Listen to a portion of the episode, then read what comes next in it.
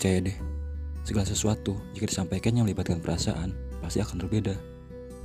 So, selamat datang di podcast Dialog Rasa, di mana podcast ini akan berisi tulisan dan puisi-puisi karya gue. Bareng gue Gun Putra, selamat mendengarkan.